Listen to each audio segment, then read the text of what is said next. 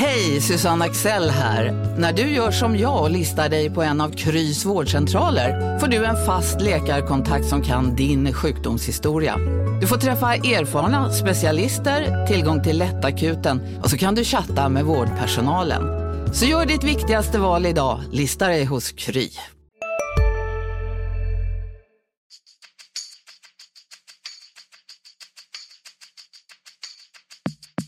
Skönt att komma ut och eh, bara lukta gräset. Så att det, är, det är fotboll för mig. Nu är jag här och jag är väldigt glad att eh, kunna spela för det laget som jag har närmast om hjärtat.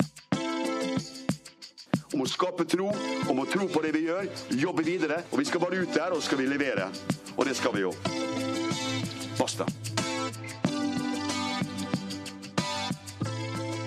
Välkomna tillbaka till MFF-podden. Det här är avsnitt nummer 268. Jag heter Fredrik Hedenskog. Jag har sällskap av Max Wiman och Kent Leon Jönsson. God morgon! Morning. Hej hej! Det hör inte till vanligheterna i denna podden att vi kan säga god morgon. Är-. Det är nog rekordtidigt Ja, idag. alltså, ja, ja. Jag tror att du håller på att bli gammal Max. kan det vara så? Börjar bli morgonpigg Nej, jag tycker inte om tidiga morgnar och vara igång. Men det går bra idag. Ja. ja, det är förmiddag. Ja.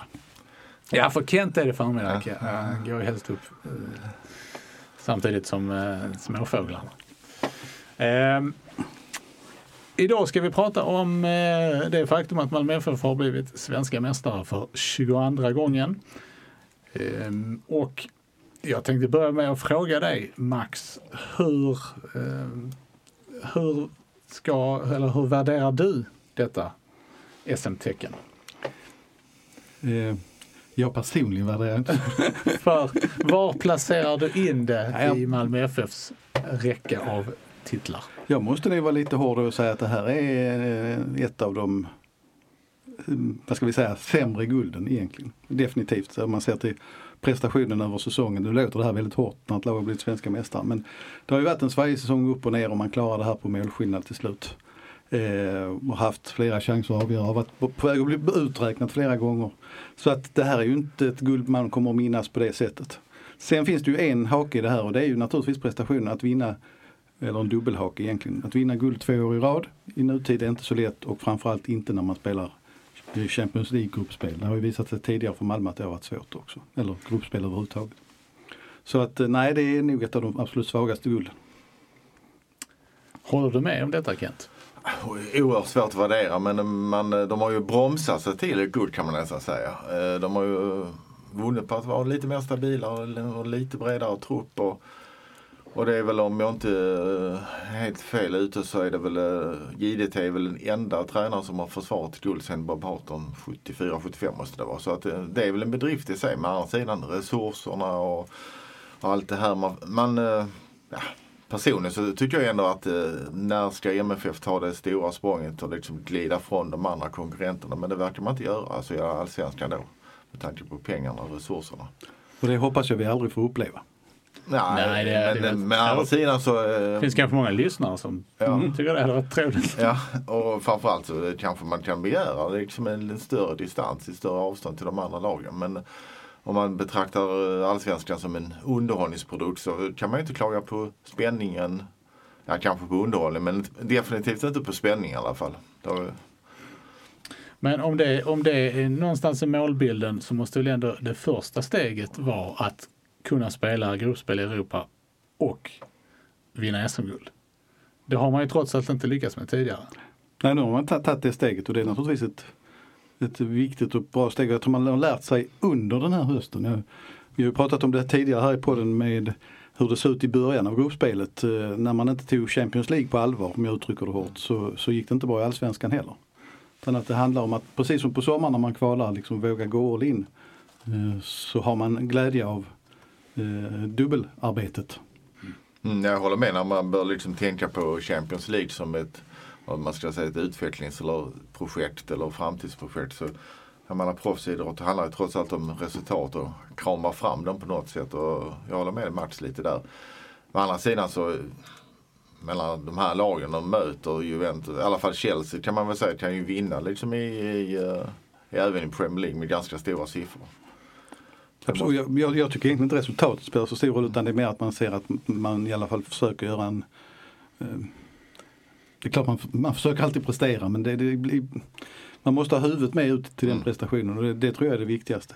Sen, sen är det också kanske något som jag har tjatat om här, jag tror att eh, vilket kan låta konstigt men nästa steg kanske är att MFF hamnar i Europa League nästa år och kan tävla ordentligt där. Alltså att man kan dra nytta av erfarenheten att spela Champions League till att klara sig på en bättre nivå. Som kan vara Europa League eller rent av Conference League som skulle kunna bli en, en tävling på ett annat sätt. Mm, men ska man inte sikta på Champions League? Kan Jo. man med? Jo, det är klart man ska göra det men det är inte realistiskt att tro att man är där varje år med, med de regler som, eh, för kvalet som Ja. finns. Och då, då, man ska ju aldrig se det som en besvikelse om man hamnar i Europa League. Det är ju en jättebonus att man lyckas nå Champions League. Och fortfarande är det ju så att Alltså rent prestationsmässigt så vi har, det Malmö har gjort på 10-talet här är, är ju eh, helt unikt. Okej, eh, Göteborg har vi pratat om tidigare. Men, men med tanke på hur fotbollsvärlden ser ut så är det ju en unik prestation att vara i sex gruppspel i Europa om jag räknar rätt. Eh, Jon Dahl Tomasson eh, pratade ju, eh, och har pratat flera gånger om, om detta som eh, framförallt då nu när guldet blev klart som att MFF har gjort det omöjliga. Och det är väl kanske att, att dra det lite långt. Eller? Ja, på sätt och vis. Men alltså det omöjliga i det här var, var väl egentligen Rangers-matchen. Alltså borta, man får är man kort och vänder ändå. Det måste man ju ändå säga att det är, men det var mer ett enstaka mirakel som jag ser liksom. Och Colak gör sitt livs match som man aldrig kanske kommer att göra om igen. Men Fredrik tänker lite grann också på antar jag det här med att, Ja, att du, allsvenskan. dubbel... eh, Ja precis, men det var väl givet. Jag har ju tjatat om nu hur många matcher de har spelat mer än AIK. Vad är det 14, 15 eller 16 matcher mer? Och, eh, och det är klart, det, det är ju en bedrift i sig naturligtvis. Men eh, MFF måste ju bygga så med breda trupper, stora trupper. Man får väl ändå ponera att de är siktar på kanske vara 10% bättre nästa säsong. De siktar inte på att vara sämre ju. Där prestationen har vuxit också. Det är ju, man kan ju inte komma ifrån den här skadesituationen som har varit. Som, mm, det har väl funnits liknande år tidigare där vi har diskuterat om det har varit felträning och så vidare. Men det känns inte riktigt som det har varit sådana grejer den här gången. Utan eh, att klara av den mängden av sk- skador. Eh, jag menar Ola Toivonen, en gammal svensk landslagsspelare, eh, Jonas Knusen, eh, dansk VM-spelare. Alltså bara tappa två sådana spelare för hela säsongen. Det, det är klart att det det, det är väldigt, väldigt tunga tapp. Oskar Lewicki, svensk landslagsspelare som har spelat knappt halva året, en tredjedel snarare. Mm. Det, det, är Johan Dahlin, ska vi inte glömma, det är väldigt lätt att glömma att han var borta hela vår. Ja, och sen har väl Sergio Pena och, Peña och Moisander också som var bra sommarvärvningar. Också haft eh, dragits Ja. med småskador. Så de har ju Ja, varit- Christiansen. Ja, Christiansen. Ja, det är väldigt det- många, det är ju landslagsspelare allihopa i princip som då Och, har Be- varit och borta. Bejmo för det, eh, har ju Ja. också varit borta. Ja, men det måste, man, det måste man ju säga, det går inte att komma ifrån när man utvärderar den, här, utvärderar den här säsongen. Och det har vi ju sagt flera gånger också att där har ju, där har ju MFF nu lyckats eh, bygga en, en trupp som är så pass eh, bred och eh, djup att, att man har kunnat hantera den här situationen. Man kan ju tänka sig att, att om det här hade inträffat eh, under tidigare Champions League eller Europa League-år för den delen så hade de ju förmodligen inte räckt till Nej. i allsvenskan. Nej så är det definitivt. Och där måste man ju också ge Daniel Andersson cred. Vi diskuterar ofta hans värvningar och så vidare. Men eh, att plocka in Diawara när Marco Johansson försvinner. Det är liksom en målvakt ändå på en, på en hög nivå med svenska mått mätt som andra målvakt. Som plötsligt fick spela en hel del. Och Moisander och Peña som Kent har nämnt är ju också alltså väldigt starka värvningar under säsong. Sen eh, lyckas ju inte alla värvningar. Vi vet ju att det finns någon spelare som vi liksom fortfarande inte riktigt har förstått vad han gör där. Men, men, men eh, i grunden så är det ju eh, en väldigt, väldigt viktig del i det här att ha den fingertoppskänslan och få in rätt spelare och rätt typ av spelare mitt i säsongen. Sen för att återgå till det här med skadeproblematiken så tror jag faktiskt under givet att de har ju snäppat upp ganska rejält med intensiteten på träningarna och sånt. Och, där kan man ju faktiskt få betalt också eh, ännu mer tror jag liksom när, truppen har härdats i detta. Där ska man bara säga att det började ju redan under Ove Rössler faktiskt. För han, Absolut. det var ju där den stora, eh, för det har säkert fortsatt den. på den Absolut, vägen. men eh, där, eh, om man utan att vara elak så kändes det som när Rössler kom in så gick man ju från en, en hygglig allsvensk nivå till en toppnivå. Alltså träningsmässigt. Ja, det var ju alltså just intensiteten den var knappt allsvensk. Nej. Det var, ju, det, var ju, det var ju så uppenbart att det handlade så oerhört mycket om taktisk träning så att de tappade ju intensiteten Nej, fullständigt. Och, och, Och vi pratar under Magnus Persson nu. precis, och under givetvis tid tror jag aldrig, man, jag har aldrig sett någon i någon tränare haft en, en liknande intensitet på träningarna. Nej, och på, under Rösler så var det väl mer om, eh, handlade det kanske lite mer också om eh, liksom gammaldags intensitet så att säga. Mm. Jo, men det var Lite ren, mer liksom, Ja, det var mer piska morot Ja. kanske. Här är det mer liksom att här fattar spelarna att eh, direkt att eh, ska jag spela så måste jag ju ge dem där 100% på träningen. Eller nästan i alla fall. under Rösler var det ju nästan ren, alltså mycket ren fysträning om man ska uttrycka det så. ehm, För övrigt skickade Rösler guldhälsningar till MFF såg jag någonstans. ja. Han kanske är sugen på att komma in igen. Eh, vi, det är ju, Rössler kanske inte är aktuell men det är när vi ändå är inne på tränarspåret så känns det ändå som att man behöver prata om det. Eh, Thomasson har varit här i två år, har tagit två guld, eh, har lett laget till Champions League-gruppspel. Eh, ändå så känns det, det kanske inte liksom eh, sådär helt klart inför nästa år. Om man ska läsa mellan rader och tolka signaler. Eller?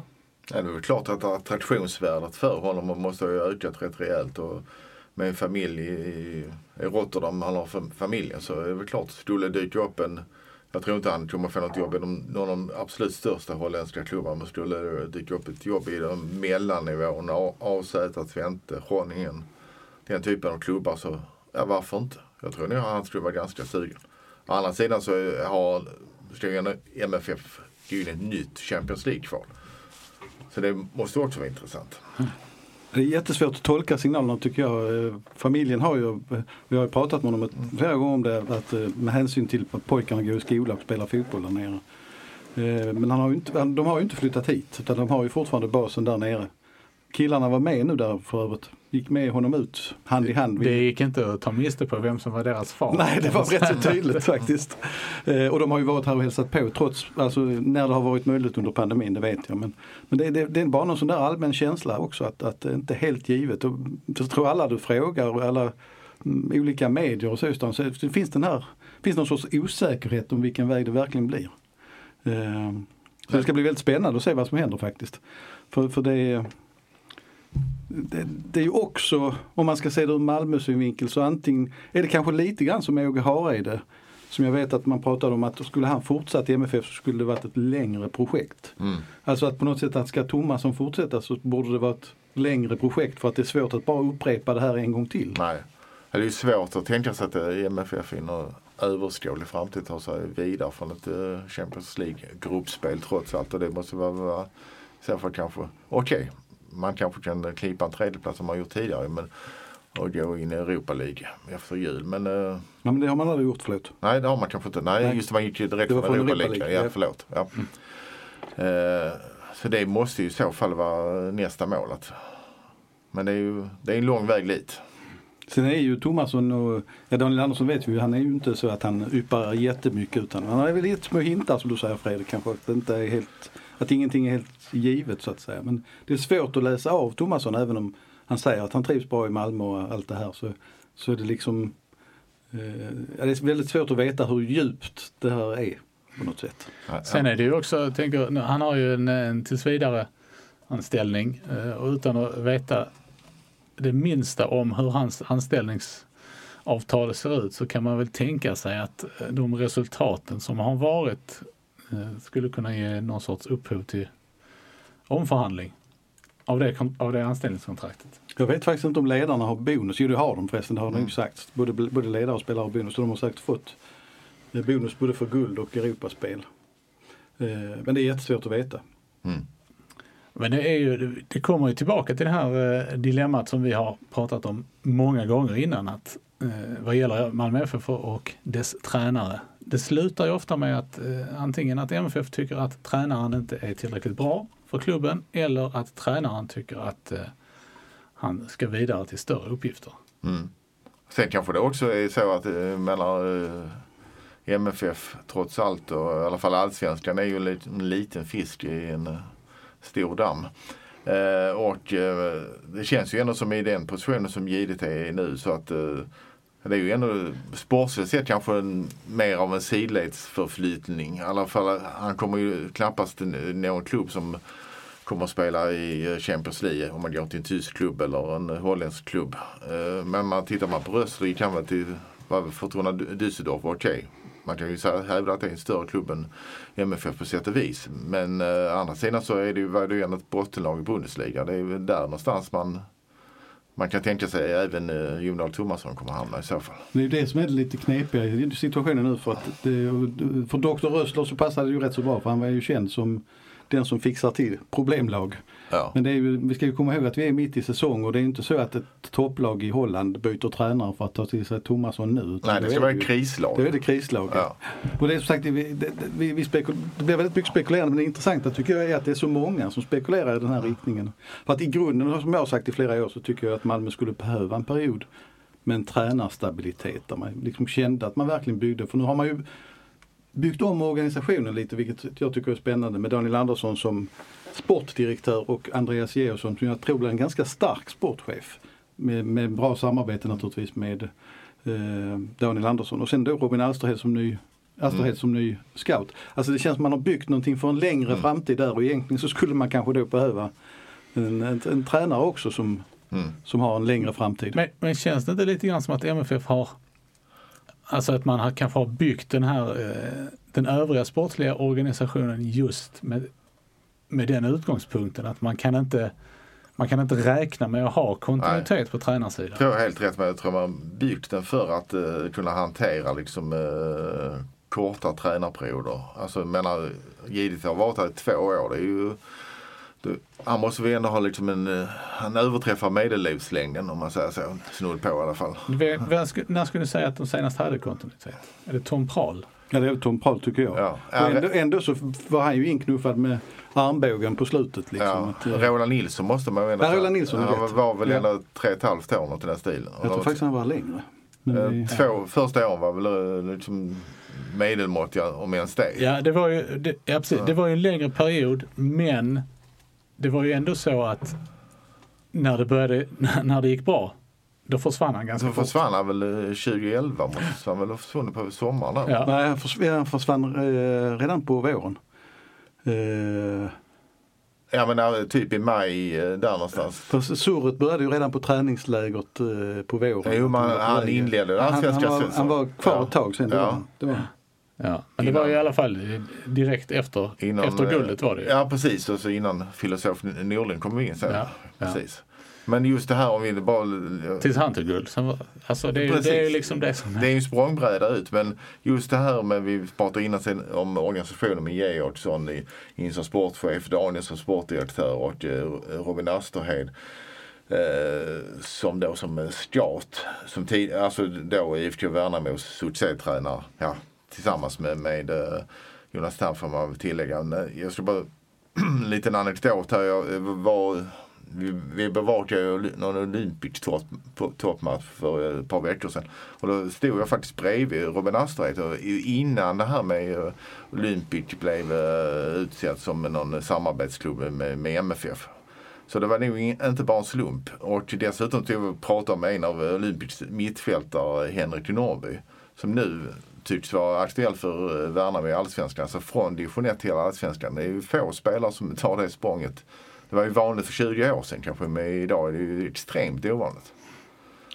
Och ja, Olympic hade ju faktiskt tre, fyra spelare som man såg kunde spela betydligt högre upp i seriesystemet. Men det är, för att jag dubbelkollade nu att det stämmer, tre och ett halvt år var Rolle Nilsson i Malmö. För det kändes faktiskt som att han var längre men men, eh, men just Olympikaspekten är ju ytterligare en grej där man försöker bygga någonting. Man, vi tror vi har pratat om det tidigare, man försökte ju med IFK Malmö för ett antal år sedan ja. men det kändes som fullständigt misslyckat eftersom det var en alldeles för stor kulturkrock och det var, IFK Malmö hade inte alls den långsiktigheten, inte den, på den tiden i alla fall. Så att det, det, samtidigt så, så tror jag ju att, att Malmö ändå egentligen skulle behöva en tränare under lite längre period för att det man har sett nu det är ju att spelare har försvunnit och rensats ut på grund av att tränaren ändå har en ganska stor makt. Eh, vilket han måste ha. Men, ja. Ja, Så det, det- kommer det- ju ske med alla tränare i och för sig. Ja. Men det är liksom om då, eh, det har ju, kan ju vara känslan av att spelare som har försvunnit kanske hade varit kvar fortfarande om inte, om, om, om eh, eller jag vet inte hur jag ska uttrycka det. Fler spelare hade kanske försvunnit om man visste att eh, Jon Dahl Tomasson skulle vara kvar här längre tid. Mm. Eh, Det är jättesvårt att, bygga på det sättet naturligtvis. Men, Mm. men det, det är en, ja, han har gjort ett fantastiskt jobb med Malmö FF. Han har gjort så här långt. Ska vi säga. Det, är, det är inte så att eh, eh, han har gjort på något sätt ett, ett, ett dåligt jobb mot laget utan ett jättebra jobb. Det är, det är bara ibland en allmän känsla runt eh, Jag tror han varit en situationen. bra eh, jag tror Georgsson och Asterhed är mycket possession-fotboll. Jag tror där, där är ju, och vi säkert kan få in det genom mer. Det har funnits tidigare i MFFs ungdomsorganisation. Men JDT har ändå mix som jag tror man måste ha när man ska spela eller krama fram resultat på hög nivå. Att man kan variera, spe, variera spelet mer possession men ibland spela långt som MFF gör faktiskt rätt ofta. Och jag tror att han har utvecklat sin egen filosofi också. För vi, vi, han, han pratar ju inte bara om spelprinciper nu utan han, nästan till och med han själv pratar ju faktiskt om uppställningar. Och jag tror att det är, den tydligheten behövs nog både gentemot laget och mot omgivningen. Att, att ska man klara sig i Europa så måste man ha, kunna anpassa sig och vara väldigt tydlig i sitt systemspel, inte minst då försvarsmässigt. Ja men vi, vad, vad har vi sett om man tar siffermässigt i uppställning? Vi har sett 4-2-3-1, 3-5-2 och snudd på 3-4-3 på slutet. Måste man nästan säga. 5-3-2, Ja det är också. 5-4-1 tror jag till Ja. och med. Så, Ja. alla utom klassiska 4-4-2 kanske. Om ni, eh, om ni ska svara på frågan här och nu. När MFF sätter igång eh, säsongen 2022, eh, tränar Jon Dahl Tomasson dem då? Max? Ja eller nej? Logiken säger ja men magen säger nej. Jaha. Kan, kan, du, kan du komma med ett eh, svar på ena eller andra hållet? Nej, jag, jag säger ja. Nej, det här är oerhört svårt att spekulera men det är jätteroligt att spekulera i det. Ja. Men, eh, eh, i, jag tror också det, alltså de närmaste veckorna, jag, jag tror det måste komma något attraktivt bud för att han ska lämna. Så för någon, något som man känner är större. Ja, vi kan ju ta liksom vi kan ta en Schweiz eh, Bundesliga-klubb. Jag menar Marco Johansson gick till Hamburg Sportverein. Ja, som inte går speciellt bra kanske. Men, eh, men är det en större klubb än MFF? Ja, det är det på sätt och vis. Eh, ännu större historia liksom. Men de spelar i en andra liga. Men eh, är det attraktivare än MFF? Ja, de har 50 000 på sina matcher om de får lov att publik. Men det är ju, sånt är jättesvårt att säga. Han, han ser väl också en, en sportslig väg att gå. Kan han vara inne i Champions League? Han stärker ju sitt varumärke ännu mer med ett eh, gruppspel. Är allsvenskan intressant som liga? Nej, kanske inte för honom liksom i, i, i det långa loppet trots allt. Ja, Jag fastnar lite i det här att om han ska vara kvar då, vill, då skulle jag vilja höra att han ger det här minst två år till. Så att det liksom är någonting man bygger för riktigt för Ja. framtiden. För, det å andra sidan skulle man få ett till år med honom. Jag, tror de hade tagit det vilken dag som helst i veckan. Alltså Daniel Andersson och eh, Georgsson. För då hade man ändå fått tid att hitta man måste ju ändå hitta någon som är bättre i så fall än JDT eller likvärdig i alla fall. Och det är ju den stora utmaningen. Ja. Vi har också pratat om att ska du lyckas så måste du ha en tränare med internationell erfarenhet och då, det är inte så lätt att hitta dem. Nej, antingen stora internationella erfarenhet som spelare som JDT hade. Och han hade kanske inte så stor erfarenhet som tränare. Och assisterande för danska landslaget. Men det är inte riktigt samma sak som att vara the main man. Nej, det har ju tidigare episoder visat. Ja. Ja, vi har resonerat om det tidigare här också. Vi säger det. Åge Hareide, Ove Rössler, Jon Dahl Tomasson. Tre forwards som har lyckats internationellt. Eh, Det är, Ja, Hareide var ju faktiskt mittback.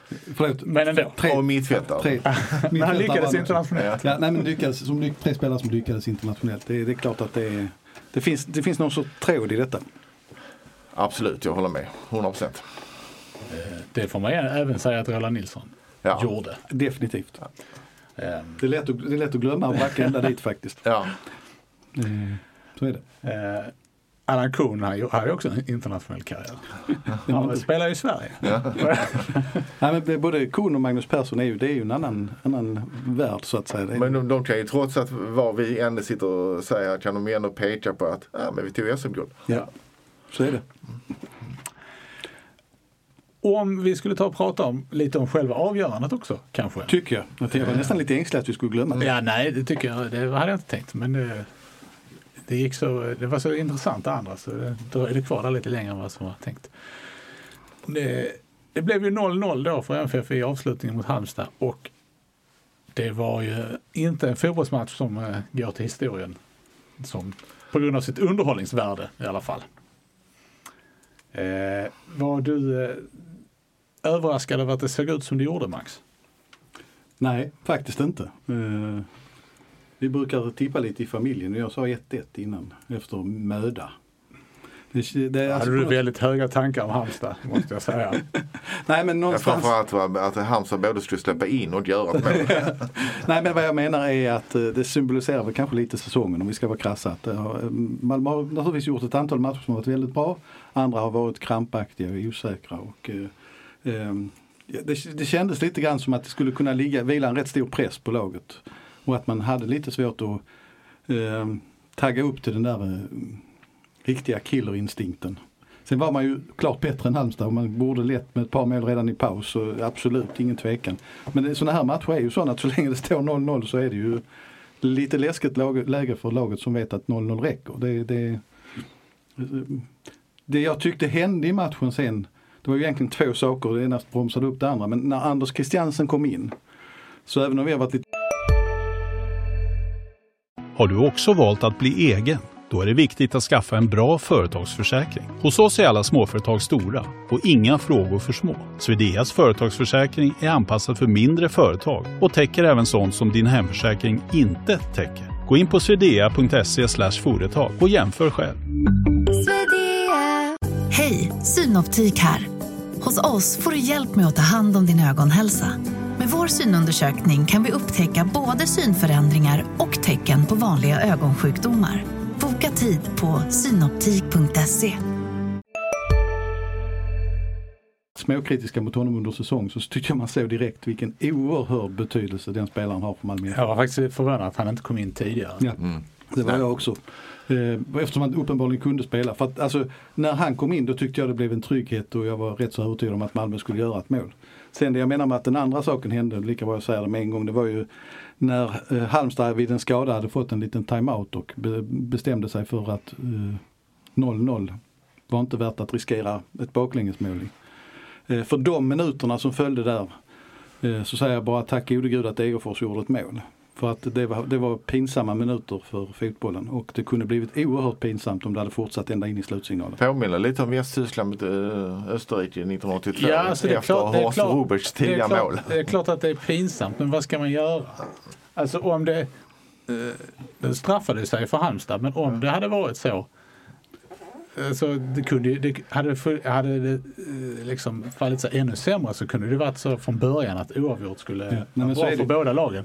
Vad ska man göra? Att Men det jag- råkar bli så i den 30 omgången? Nej, men vad jag menar med pinsamt är ju egentligen att det blir pinsamt mot omgivningen som, eh, som inte är, är inne i det på samma sätt. Alltså att, att se de här bilderna när att det var, blev så oerhört påtagligt. Ja, alltså absolut. Nej, men det jag med. klart att det var inte bra reklam för MFF om man tänkte sig att det var massa som kanske inte brukar sig allsvensk fotboll kanske gick in på kanal 5 och satt och kollade liksom. Och tänkte, nu står de och kastar gris eller bollar gris mitt på plan eh, i 10 minuter som det blev. Men jag håller med matchen när AC kom in så såg man verkligen li- dirigerade och styrde tempot helt och hållet eh, till MFFs fördel. Men jag, självklart hade det varit roligare, tror jag, ur all, många aspekter om det hade varit så att MFF hade varit tvungna att vinna. Då hade vi nog sett en helt annan typ av match.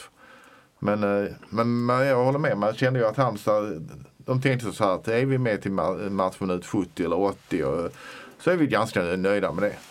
Sen var det ju pinsamt att de hade så dålig kommunikation i Halmstad. Ja. Att det tog men, många minuter innan man nådde ut. Alltså att man inte har löst sådana saker innan. Det för, därför alla sådana här scenarion tycker jag man måste ha med sig ut. Så Jag tycker det blir bara fånigt när man pratar om att oh, vi kan bara fokusera på vår match och vi kan inte bry oss om vad som händer i omgivningen. Så, så funkar det ju inte. Det, det Nej, då, det, ja, man kan väl vara rätt övertygad kanske om att en del MFF har planer också visste att, eh, att helt plötsligt så ledde Sirius med 2-0. ja. Och det påverkar också ja. deras situation. Det tror jag absolut det gjorde. Så att, men, äh, den första halvlek rent fotbollsmässigt var väl klart godkänd av MFF frånsett att man, man gjorde mål. Sen, ja, ni har säkert diskuterat det i ett sedan. Vad ni har nog inte varit med sen, sen sommaren. Men eh, sen kan man ju, ja, tänka så här. Hur många målchanser behöver Colak egentligen för att göra mål? Vi har ju sett innan, han behöver tre eller fyra nästan. Rätt ofta för att göra mål. Så att, Men han brände mycket och var, lite, var väldigt svaga avslut. Ja. Alltså det, som, det som var mest graverande i denna matchen det var ju att han flera gånger tog avslut när han borde ha. Spela. När han hade en ganska enkel passning till en Ja, medspelare i betydligt bättre läge. Men sen är det ju små situationer. Jag tänker alltså Anel Ahmedhodzic borde ha gjort mål tycker jag när han nickar så att målvakten räddar bollen upp i ribban. Ja. Han hade faktiskt tid på sig att styra den lite längre bort. Alltså det var väldigt små marginaler. Ja. För hade Malmö fått 1-0 så hade den här matchen varit död. Jag är helt övertygad. sen kan man ju tänka, eh, man får också alltid väga in en mittbackar går på nickar. Det blir ju sällan liksom en avvägd målnick. Det blir ju oftast liksom, de nickar som de var i ett eget straffområde. Det blir hårt och bort med bollen. Eh, Vi kan bara titta tillbaka på Pontus Jansson och hur många eh, liknande lägen han hade i MFF. Det var ju, han har haft massa sådana Brentford och han har gjort mål här och där. Men det handlar ju också mycket om att man har en helt annan inställning när man kommer i de lägena. Jag tycker att Anel har lite bättre förutsättningar på något sätt. En lite annan speluppfattning eller vad jag ska säga. Där. Men det. Ja fast nickförmågan är väl ungefär uh, jämn skulle jag nog säga. Men sen däremot så, så alltså, alltså att, att det blir en sån här upplösning och att det till slut blir målskillnad som avgör. Jag menar det tycker jag är den inbyggda dramatiken som bara är, är, är liksom festlig. Liksom, oavsett vem som vinner så, så är det det här är ju en del av idrotten och det är ju det som räknas också. Som, Mm. eh, så att jag tycker det var oerhört raffinerat och oerhört spännande att eh, följa det. Mm. Och, och tittar man också på, eh, om man eh, har följt AIK lite under året här, reaktionerna kring klubben har ju gått från liksom källaren nu till en eh, rosa mm, moln på himlen och allting heja heja och allting fantastiskt och nästa år ska de knäcka skåningarna.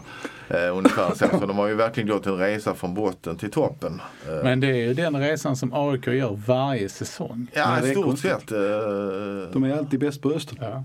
oftast, eh, men de har ju oftast en, eh, vad ska man säga, de är ju väldigt eh, hårda att knäcka så att säga. De är ett, ett tungt lag som får mycket via hörnor och frisparkar och sånt och maler ner motståndet. Och, Sen jag just det här, eftersom det blev ju en kamp mellan Stockholmslagen och Malmö till slut. Där Elfsborg var involverat så att säga också. Men det var en rätt intressant jämförelse som någon hade gjort på Twitter. Eh, MFF är uppe i 22 guld nu. Hammarby, AIK och Djurgården har 25 tillsammans. Mm. Alltså de blir lite, ofta blir de lite grann ett offer för den här interna kampen också. Precis. något som jag har tjatat om det är att jag tror inte alls det är negativt för fotbollen i Malmö egentligen att Malmö FF är ensamt lag i Allsvenskan. För jag, jag tror, tror att säkert hade kan två. dra bort ett par guld därifrån från de här Stockholmslagens skull eftersom jag tycker man inte bör rä- räkna före allsvenskans start 1925 typ. Eh, Men det är bara min privata uppfattning. Nej men jag tror just det här att, uh, missförstå mig rätt, det är klart det hade varit jätteroligt med ett bra lag till i Malmö. Och nu, men det, det, är lite symboliskt där att Olympic blir någon sorts utvecklingsförening kanske till Malmö. För att det finns liksom inte, stan har inte så mycket att tjäna på att ta den kampen. Eh, vi såg det i ishockey också när Panthern försökte utmana Redhawks faktiskt. Att det, om man försökte utmana dem men var på väg upp. Att det, det är, Malmö är inte så stort. Men det där eh, lite hockeymässigt tillägg. Alltså det problemet för de startar just när de skulle försöka utmana Malmö och helt plötsligt liksom började gå in och satsa med pengar, Hugo Stenbecks pengar. Hade de skött det som de gjorde innan så tror jag de kunde lägga kvar i Allsvenskan fortfarande faktiskt. Ja, Men det är, allsvenskan är ju den nivån så att säga då. det är, Som är det är superettanivån Ja. då liksom. Ja. För Superettan skulle kanske Malmö klara, eller borde Malmö klara ett lag, absolut. Borde nästan nu göra det i alla fall. Okej, okej, det var det två, tre mil till Trelleborg. De ligger i superettan i, i och för sig. Men men när du säger det Max, menar du då eh, att det inte finns förutsättningar eh, publikt eller sportsligt eller ekonomiskt? Alltså var... Nej, men sportsligt tror jag förutsättningarna finns eftersom det finns väldigt mycket fotbollsspelare i Skåne. Eh, Men publikt nej. Det är, alltså det fin, det, vi har pratat om det tidigare tror jag också men alltså det, det är så långt borta. Alltså Malmö har blivit så mycket eh, Malmö FF. Så att det är väldigt svårt att bryta den. Eh, och ekonomiskt tror jag det är ännu mer omöjligt. Alltså, så, länge inte någon privat finansiär skulle liksom lägga upp ett, mm. en Dan Olofsson skulle lägga upp liksom att satsa, bygga ett lag på egen hand mer eller mindre. Precis. Eh, för att eh, det är ju som ekonomin för idrottsföreningar. MFF tar allt i den här stan och det som blir över det tar Redhawks och sen är det inte mer än smulor kvar.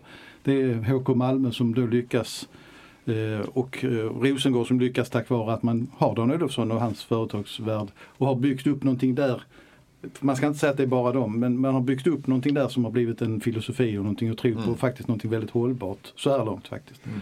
Ja, HK Malmö lyckas ju för att de har Jörgen Rasmusson som gör allt för att spela trummor till att sätta pengar i klubben. Ja, och har mycket vänner i affärsvärlden och liksom ja. lyckas, i den lilla världen så lyckas det. Precis, det, mellan MFF är det stora nätverket, alla vi har med så, precis som du säger Max, Reddit står kanske på ja, det finns ingen tvåa, ingen trea, kanske tre, ja, tre eller fyra då. Men sen är det ett gigantiskt hopp från Redhawks ner till de här andra klubbarna, HK Malmö och FC Rosengård.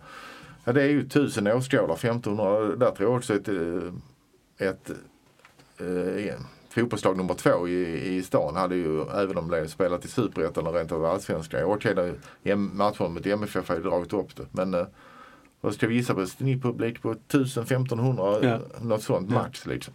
Mm. Så är det så. Sen, jag gärna, det, det tangerar lite grann det här med, vad ska vi säga, Malmö FFs betydelse för Malmö som stad. Jag rörde mig lite i stan i lördags innan. Och den här känslan av att det dyker upp halsdukar och tröjor överallt, det, det stärker liksom den här bilden av att det är ju någonting som, som staden brinner för. Mm. Jag kan väl bara säga att det är mycket halsdukar även på andra orter i närheten ja. av Malmö före match. Exakt, ja. jag skulle säga att det, är ju, det har ju vuxit där också till att bli sydvästra Skånes ja. lag, verkligen i väldigt hög grad. Och en, jag vet, jag hoppar kanske lite grann men jag tycker ändå det tangerar. Jag vill gärna lyfta ännu en gång då eh, MT96 och deras fullständigt fantastiska tifo denna gången. Eh, just därför att de knyter ihop så mycket genom att berätta historier. Eh, och denna gången var det ju då eh, en ensam stjärna med de tre ordföranden som har gått bort nyligen. Eh, och jag tror att all sån här symbolik, alltså den gick ju in i tv-rutan också. Eh, mycket mer än att det ska vara liksom likadana flaggor över hela, ja ni vet, lag som har i sina färger. Alltså det, det, finns en tanke bakom det de gör. Och att de lät den här stjärnan vara ensam och sen kom flaggorna. Det, det, man bygger någonting tillsammans eh, som jag tror är väldigt eh, en, en viktig pusselbit i hela det här runt Malmö FF och som gör att föreningen har den positionen och att man faktiskt kan vara så starka som man är. Men är inte det lite det som har hänt också om man går tillbaka säg 20, 25, 30 år sedan så kändes det som att Malmö FF var en eh, angelägenhet för folk som bodde, ska vi säga, från Lomma ner till Skanör och nu kan man väl liksom dra, nu är man kanske uppe i alla fall uppe i Hässleholm där Östervin rotade tidigare och man är Kristianstad. Kristianstad, man är långt ut på det. Framförallt har man erövrat Lund sedan många år tillbaka. Liksom, jag menar det är ju fler, säkert fler lundensare som går på MFF än de går på Lugi handboll. Uh, och uh, så var det inte för 25-30 år sedan. Man nu känns det som att uh, vad ska jag säga, Kullahalvön och Helsingborg. Ja, där är HF kanske, men uh, och Bjärehalvön. Uh, och lite in i Klippan och på det hållet. Perstorp. Åstorp. Ängelholm.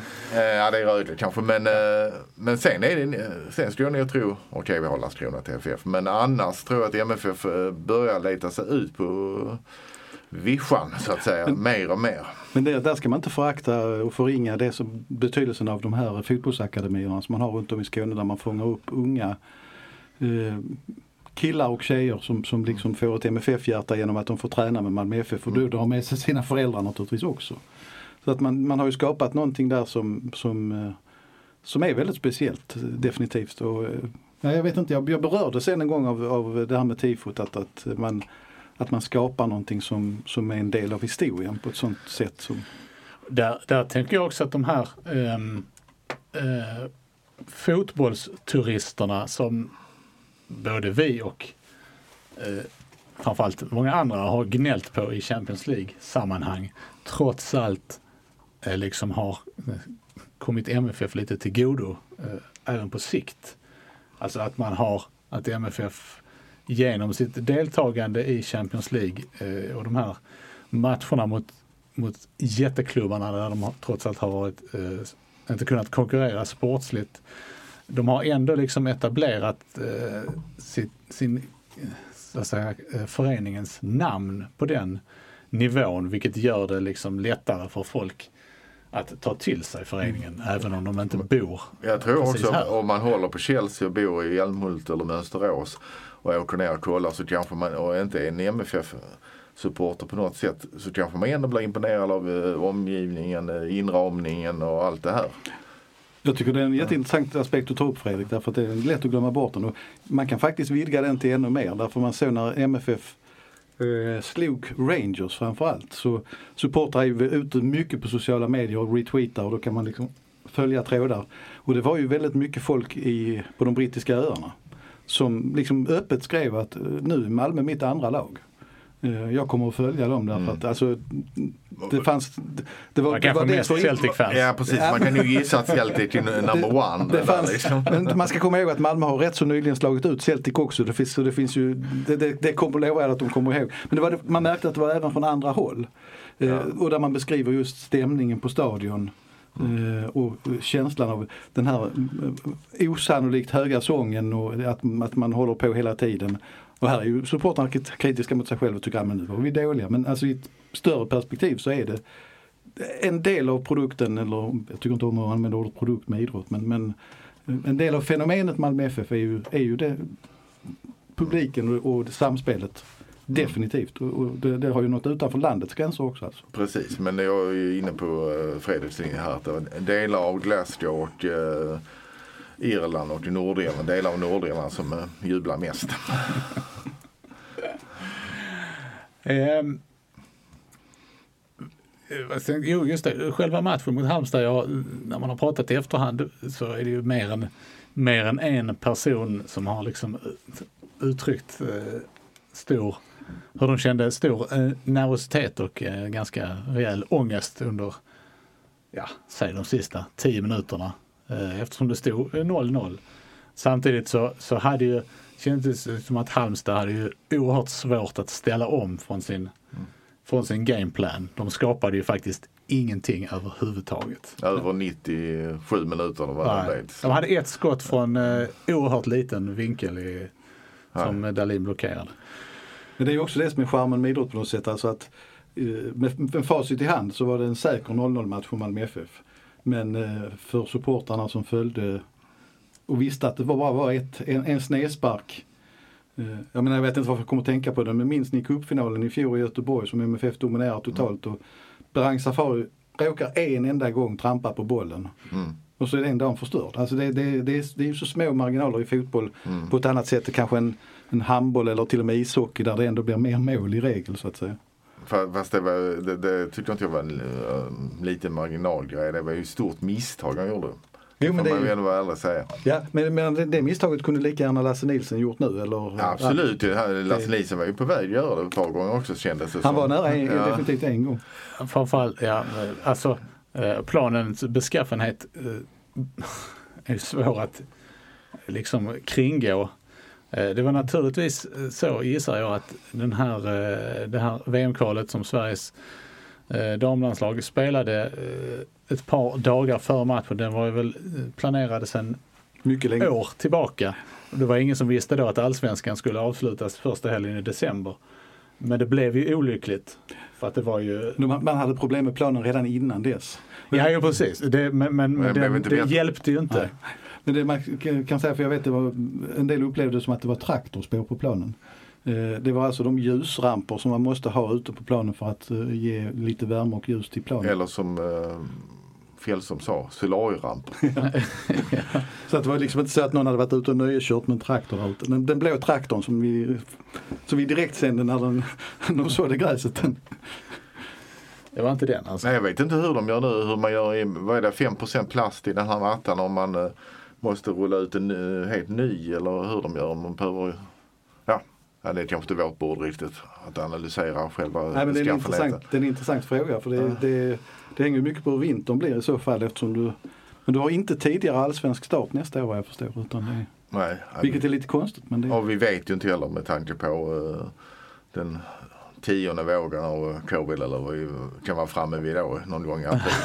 Nej, men Nej, det är sant. Eh, Allsvenskan 2022 blir ju intressant av det enkla skälet att eh, det ligger ett fotbolls-VM vid ungefär den här tiden. Mm. Vilket innebär att allsvenskan måste sluta tidigare nästa år. Ja, det påverkar ju Champions League också naturligtvis. Eh, Och sen, sen är det kanske inte så att Sverige kommer att spela men man kommer ju få uppehåll ändå naturligtvis. Så är det ju. Det är också intressant när vi pratar om planer att se vad det här sena avslutet innebär för det allsvenska kvalet. Som ju redan eh, när det spelades i november har bjudit på tveksamma underlag emellanåt. Ja, det är ju två gräsplaner som ska spelas på nu alltså, Halmstad och Helsingborg. Örjansvall är ju Jo, den ligger där vid det är ån så inte, fint. det är inte Sveriges bästa höstplan. Nej, den har liksom man har en känsla av att den drar till sig lite fukt. Ja.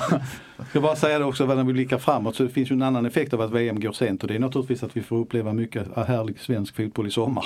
Eftersom man slipper det här tråkiga månadslånga uppehållet i Allsvenskan.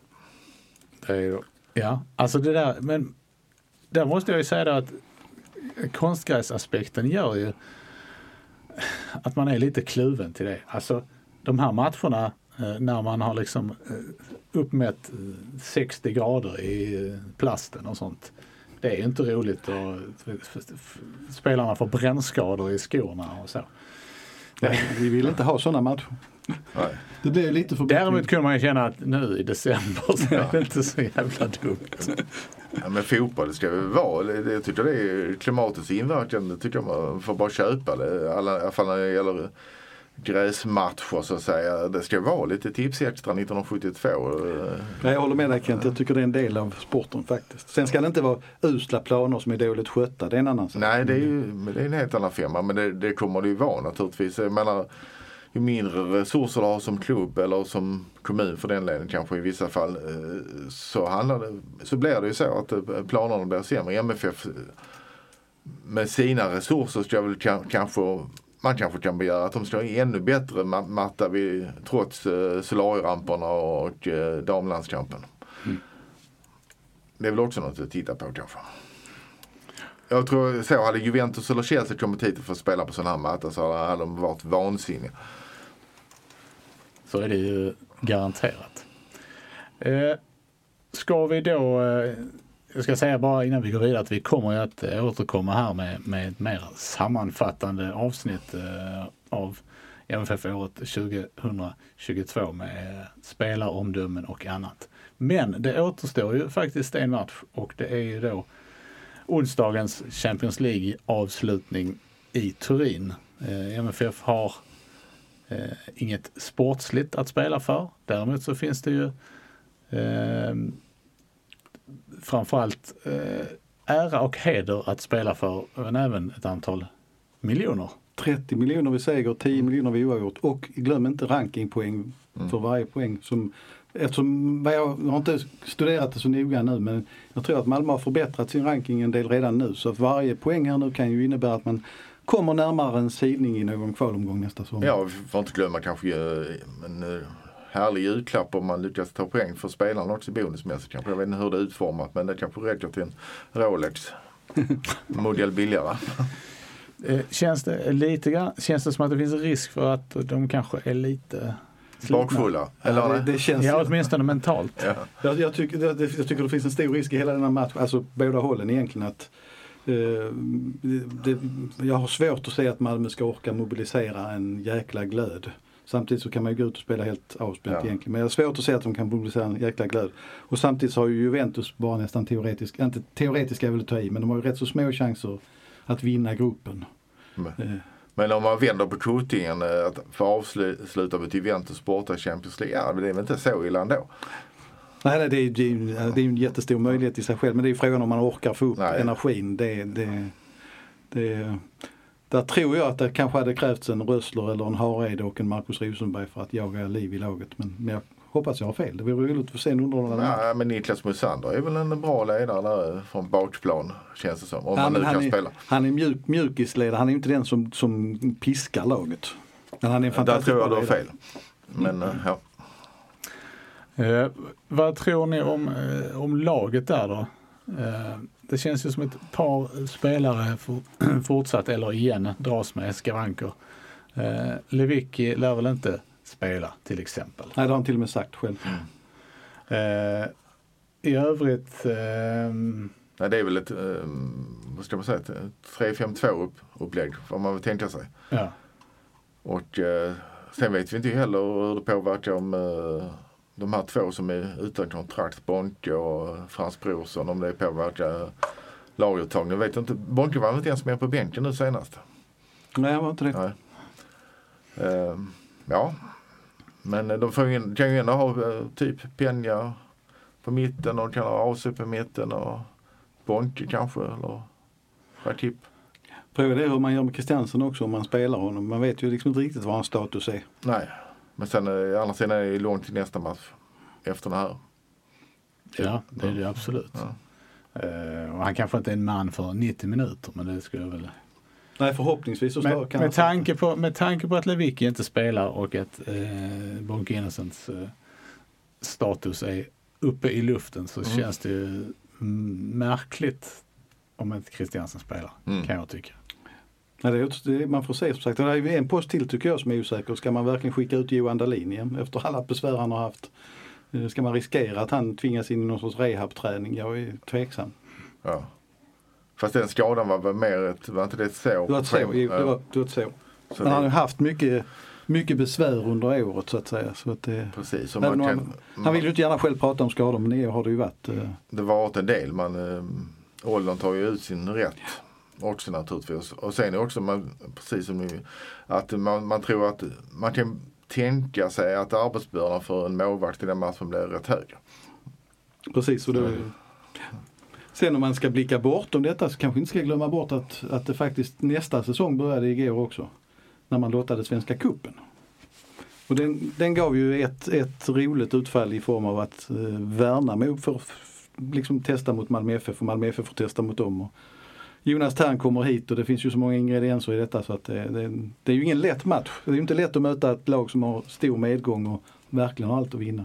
Och då får möta Mighty Guys igen som trillade ur Superettan. men, men de torskade mot dem i Ljungby De förlorade i våras, ja. Gais och Ängelholm är det tredje, eller fjärde laget. Som har kommit upp från division 2, eller förlåt, division 1 då naturligtvis. Nej förlåt, från, från division 2 till, division 1, ja. precis. Och eh, ja, det är precis, det är ju två division 1-lag. då ju. För Gais trillade ur Superettan i år. Så att alltså utifrån sidning och sånt så har ju Malmö fått en, en så nära bra lottning man kan få väl. Men, men eh, Det hjälpte inte förra året. nej, och Värn, Värnamo känns vad det lite som Men- sagt lite jag är inte säker på att det är lättare att möta Värnamo än att möta Sirius faktiskt. Nej. Nej, men de har ju i alla fall eh, oerhört goda förutsättningar att ha eh, koll på Värnamo nu. Det är sant. Ja. Så att, eh, det kan Scoutingen inte, är det kan, de, de kan inte hävda liksom att de blir tagna på sängen av någonting Nej. Värnamos spel. Nej, den är ju också, jag sa Jonas men det är klart att det är också en spännande aspekt på Astrahed. Ja. Ja. Eh, hörni, eh, vi eh, sätter punkt där för den här gången. Det här har varit avsnitt nummer 268 av MFF-podden där vi anser att konstgräs ska förbjudas i svensk elitfotboll. Jag heter Fredrik Hedenskog, jag har haft sällskap av Max Wiman och Kent Lejon Jönsson och ansvarig utgivare är Jonas Kanje. Tack för oss, hej hej!